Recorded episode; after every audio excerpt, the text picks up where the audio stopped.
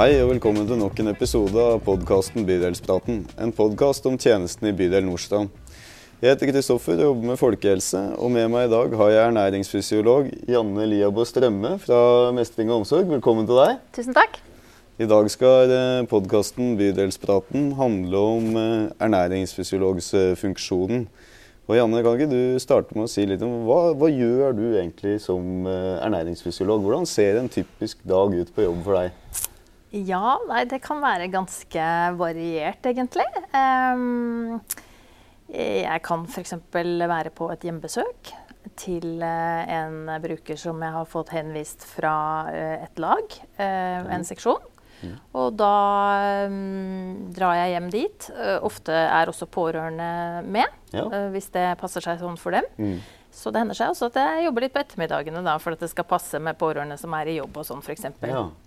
Uh, og så er det ofte sånn da at vi gjennomgår ganske grundig hvordan den brukeren spiser og drikker mm. i løpet av en dag. Eh, jeg gjør beregninger på det og hva slags behov den brukeren har i forhold til hvor mye trenger den brukeren her for å f.eks. Eh, komme seg opp igjen i vekt, da, hvis det er mm. det det er snakk om. Og i mange tilfeller så er det jo slik at uh, brukerne har dårlig matlyst av en eller annen grunn. Ja. Um, de har kanskje vært innlagt, de har kanskje svelgeproblemer eller hva det nå skal være. Så mm som gjør at de har utfordringer med å få i seg nok mat og drikke. Da.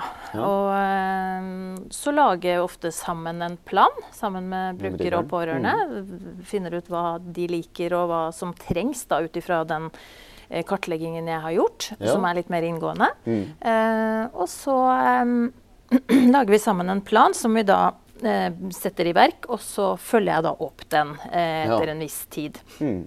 Sammen med laget, selvfølgelig, som da har den daglige kontakten ja. med brukeren. For jeg kan jo ikke være hjemme hos uh, alle brukerne hver dag. Så da er det de ofte som da gjør de tiltakene. Ja, mm. så hvis vi legger inn noen tiltak om at den brukeren her f.eks. skal ha medspisning, at, uh, at, en av våre ansatte skal sitte og, og være til stede mens uh, brukeren spiser, så, ja. så, så legger vi det inn. Det er interessant tiltak, medspising. Ja. Er, det, er, det, vanlig, eller? Det tror jeg ikke jeg har hørt om har det på noen brukere, og kanskje særlig da i forhold til de som er demente. Ja. Hvor de kan f.eks. ofte si at de har spist når, mm. når tjenesten kommer. Eh, men vi ser kanskje ikke noe spor etter noen som har spist. Og, så, eh, og de kan jo selv eh, faktisk tro at de har spist nylig, ja. men så kan det hende at det var i går. Ja. Eh, og dermed så er det for å sikre men eh, vi ser jo da når vi har vektkontroller på, på, eh, på brukerne, at mm. de har gått ned i vekt. Og da betyr jo det at de ikke har fått i seg nok mat og drikke. Ja. Eh, og dermed så må vi da, da de tiltakene vi setter i gang, eh, er jo kanskje da sammen med pårørende ja. at den brukeren her bør vi kanskje sitte og spise med. Eller i hvert fall mm. se at kommer i gang med spisingen før vi går vår vei. Ja. Sånn at eh, de vet at vi faktisk har spist. Ja.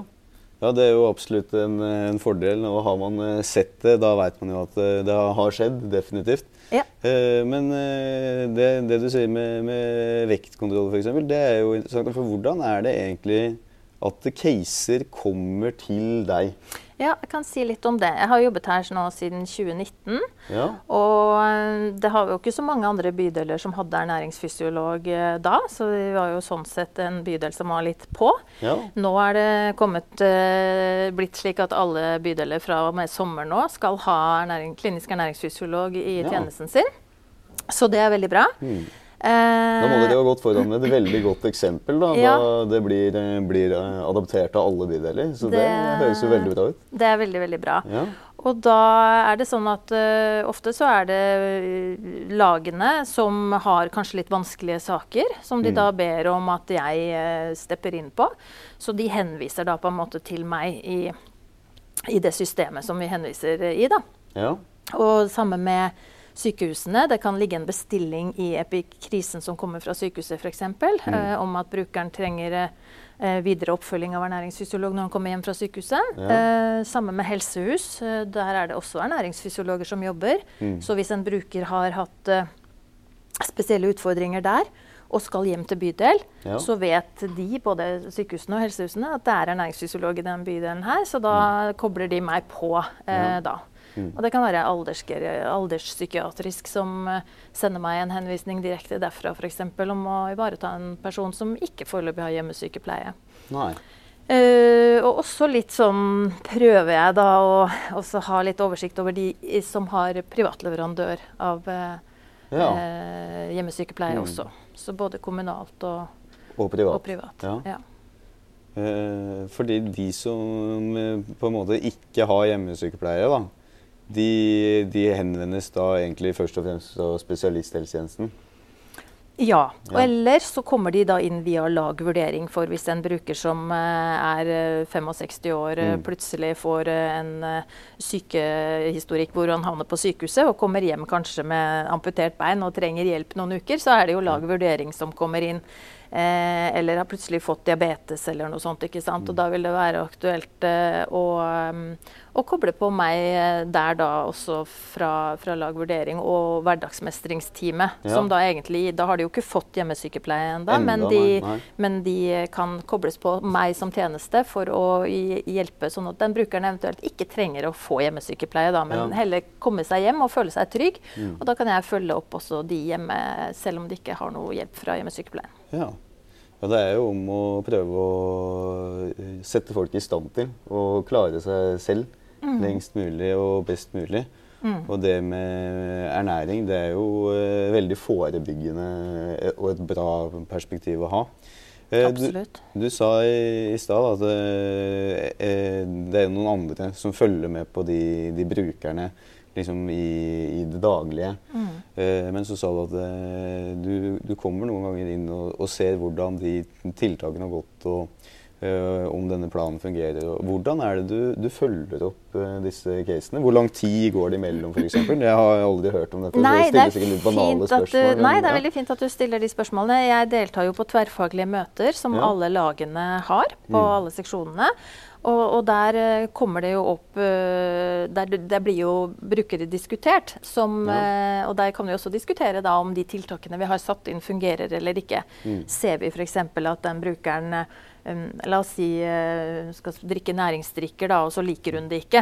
Ja. Da må vi jo finne på noe annet. ikke sant? Bare for å mm. ta et sånt veldig enkelt eksempel.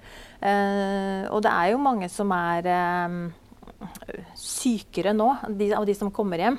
Ja. Så det krever jo eh, ofte et tverrfaglig samarbeid mm. i, i, kanskje større grad. Vi, vi, har jo litt sånn minisykehus hjemme nesten. fordi... Ja, det går jo den veien, ikke sant. Ja. For by, alle bydelene. At mm. man får uh, dårligere og dårligere brukere, ja. og de skal være hjemme lenger. De skal og... være hjemme, og de skal liksom eh, Og helsehusene tar jo noen av de sykeste i en periode ikke sant, etter sykehus, men, mm. men de skal jo fungere hjemme egentlig så fort som mulig. Og mange har jo veldig mange sykdommer, så det, de er liksom multimorbide på en mm. måte og det vil jo si at uh, det krever uh, ja, derfor, derfor, tenker jeg at det er viktig da, å ha en ernæringsfysiolog med på laget, akkurat som vi har. Jeg mm. sitter jo i staben, og der har vi ja. også farmasøyt og jurist. ikke sant? Sånn at mm. da er vi på en måte Da har man en bred ja, verktøykasse å spille på. Jeg samarbeider jo også med kreftkoordinator selvfølgelig i forhold til kreftpasienter, og demenskoordinator og demens... Ja uh, teamet i forhold til også brukere som de har, da, som mm. de tenker at uh, de kobler ofte på meg, og, ja. hvor jeg bistår lagene, da, kan du si. Og da er det tverrfaglige møtene en fin arena for å, for å gi uh, tips og råd. Mm til de ansatte, som er faktisk de som utøver den ernæringsplanen som eventuelt den brukeren her har fått av meg, da, eller ja. vi har lagd sammen med bruker. Mm. Sånn at, eh, og da er det viktig for meg selvfølgelig å få input på hva er det som fungerer og ikke fungerer. Så prøver jeg også selv å følge opp de, ringe de brukerne og høre hvordan går det med dem etter ja. at jeg har vært der. selvfølgelig, At jeg ikke på en måte slipper dem helt. Nei. Men så da er det jo å ringe, ringer de og høre hvordan det går. Og sånn, og mm. kontakt med pårørende mye på telefonen og sånn. Ja. Mm. Og da er de aller fleste fornøyd, eller? Ja, jeg tror de er veldig happy for at det er et sånt tilbud. Mitt inntrykk er i hvert fall at de eh, setter pris på å, å, å få det tilbudet hvis det trengs. Da. Det er jo de ansatte her som på ofte vurderer om det trengs at jeg kommer inn. Mm.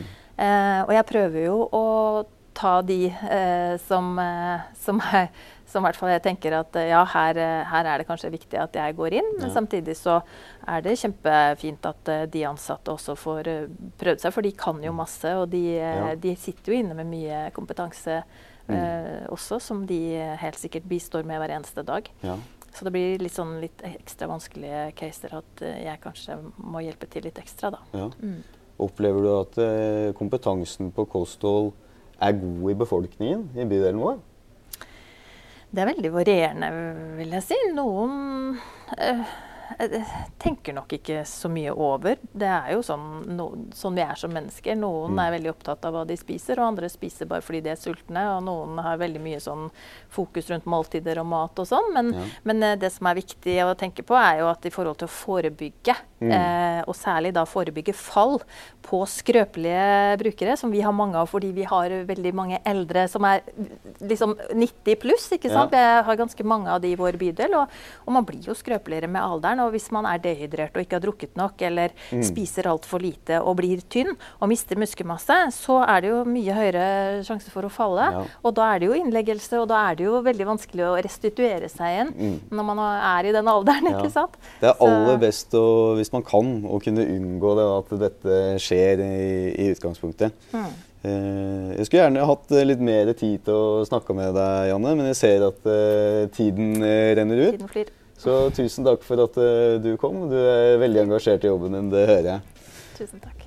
Og podkasten Bydelspraten den er tilbake om én uke.